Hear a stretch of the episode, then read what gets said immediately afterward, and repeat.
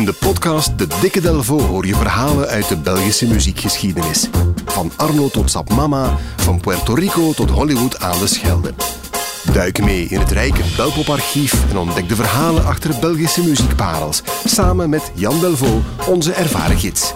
De mooiste Belpopverhalen krijg je in de Dikke Delvo podcast. Wie we daar hebben, Jan Delvaux. Klinkt als de vuilnisman of de postbode. Hè? Het is veel beter dan dat. Jij brengt namelijk gerief naar ons in plaats van het weg te halen. Jij brengt mooie verhalen mee.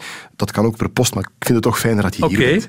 We gaan het vandaag over Arno hebben, Jan. Ja, en toen vroeg ik me eigenlijk, uh, stel ik mij de vraag van waarom is Arno ooit in het Frans beginnen schrijven en hoe komt het dat hij als Oostendenaar zo goed Frans spreekt. Hè. Oostendenaren spreken meestal goed Engels, maar Frans is wel iets bijzonders. En ik heb het antwoord gevonden, Floors, uiteraard, want anders had ik hier niet. Het antwoord is, hoe leer je het snelst een taal? Via?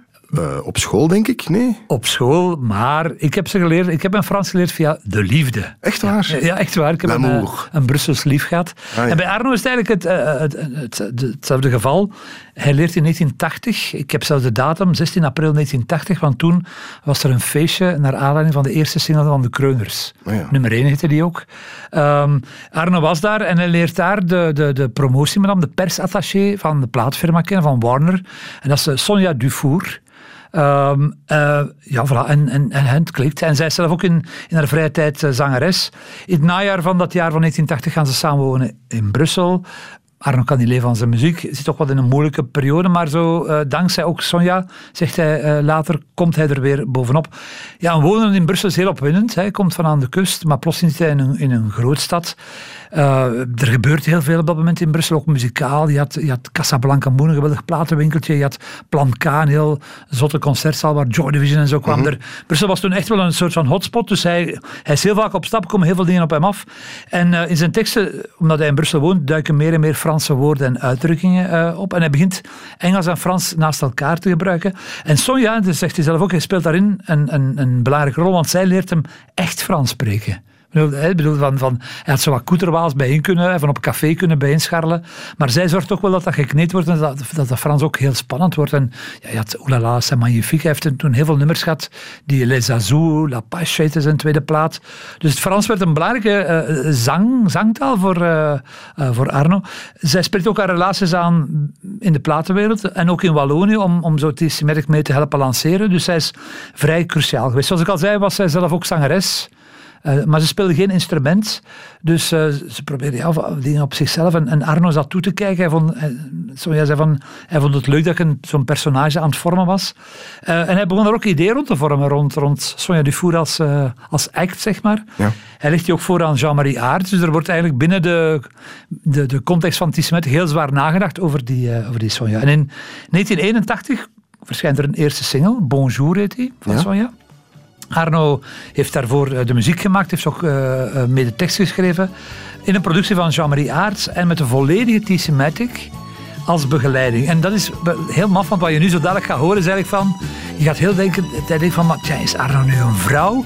Zo klinkt het ongeveer. Oké, okay, ga eens luisteren naar die Bonjour. 1981 was het, hè? Ja. Sonja Dufour. Bonjour, petit amour, avec you.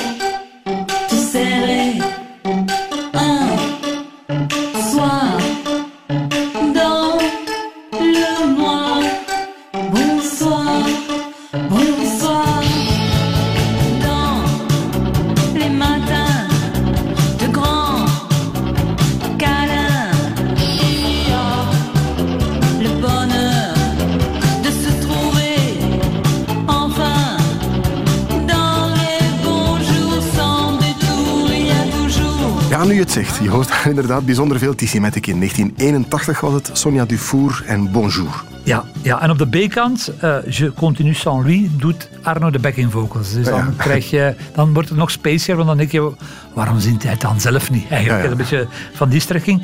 Bonjour doet het eigenlijk vrij goed. Er worden 2000 stuks van verkocht. Uh, en Soja hoopt dat er dan een album mag gemaakt worden, maar de plaatfirma houdt dat af. Ehm, ze, ze vormt dan een nieuwe groep, Bruxelles. En die L stond dan voor het, voor het feit dat het een damesgroep was. Alleen de gitarist was een man. Uh, Paul Koeter van Tien Scooter, de, de, de oude makker, strijdmakker van Arno. Ja, de C van nog- TC-Matic, hè? ja, voilà, die heeft daar ook nog aan, aan meegewerkt. Uh, En dan is het toch nog twee jaar wachten voor ze nog eens een plaatje mag maken. Ondertussen is Tissemet ook weer een heel eind verder.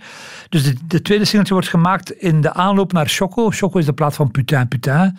Eigenlijk de beste plaat van Tismetic. En op die tweede single kan je dat ook horen. Die verschilt eigenlijk klankmatig is die weer helemaal anders. Die, die, dat zit, de, de, de, Choco was zo uh, boomklatsch, boomklatsch, was heel industrieel qua ritmes. En dat zit ook een beetje in Twaye dus dat het tweede singeltje. Um, Arno heeft er ook heeft eraan meegewerkt. Die heeft er helemaal, het dezelfde configuratie als bij Bonjour, alleen ze zitten op dat moment op het einde van de relatie. Op het moment dat het plaatje uitkomt, is Arno verdwenen. Hij heeft een nieuwe grote liefde in Amsterdam en hij laat Brussel voor een aantal jaren uh, achter zich. Dus ik denk, terwijl als je de tekst gaat ontleden, zal er wel heel veel uh, persoonlijke materie tussen zitten. Ja, in Amsterdam heeft hij misschien Nederlands geleerd. Uh, maar in Brussel, ja. in Brussel van Sonja heeft hij Frans geleerd. Hij heeft een paar nummers in het Nederlands, maar dat is toch wel een heel andere Arno. ja, absoluut. Dus, ja, dit is het laatste sinds. Ze is dan, ze is dan kort daarna in 86 is ze verhuisd. Vandaag uh, woont ze in Frankrijk, in de buurt van Parijs. Ze is uh, getrouwd. Ze woont er heel mooi, heb ik gezien. En ze, is de, de, ze werkt voor een heel, groot, uh, heel grote vliegtuigbouwer. Doet ze alle grote evenementen vandaag. Dus een totaal, totaal ander leven. Maar ik zag op haar Facebook af en toe, als er zo dingen van Arno voorbij komen, dan post hij toch wel graag. En dan verwijst hij ons graag naar de goede oude tijd. Ja, de goede oude tijd. Jan, bedankt. Hè. Graag gedaan.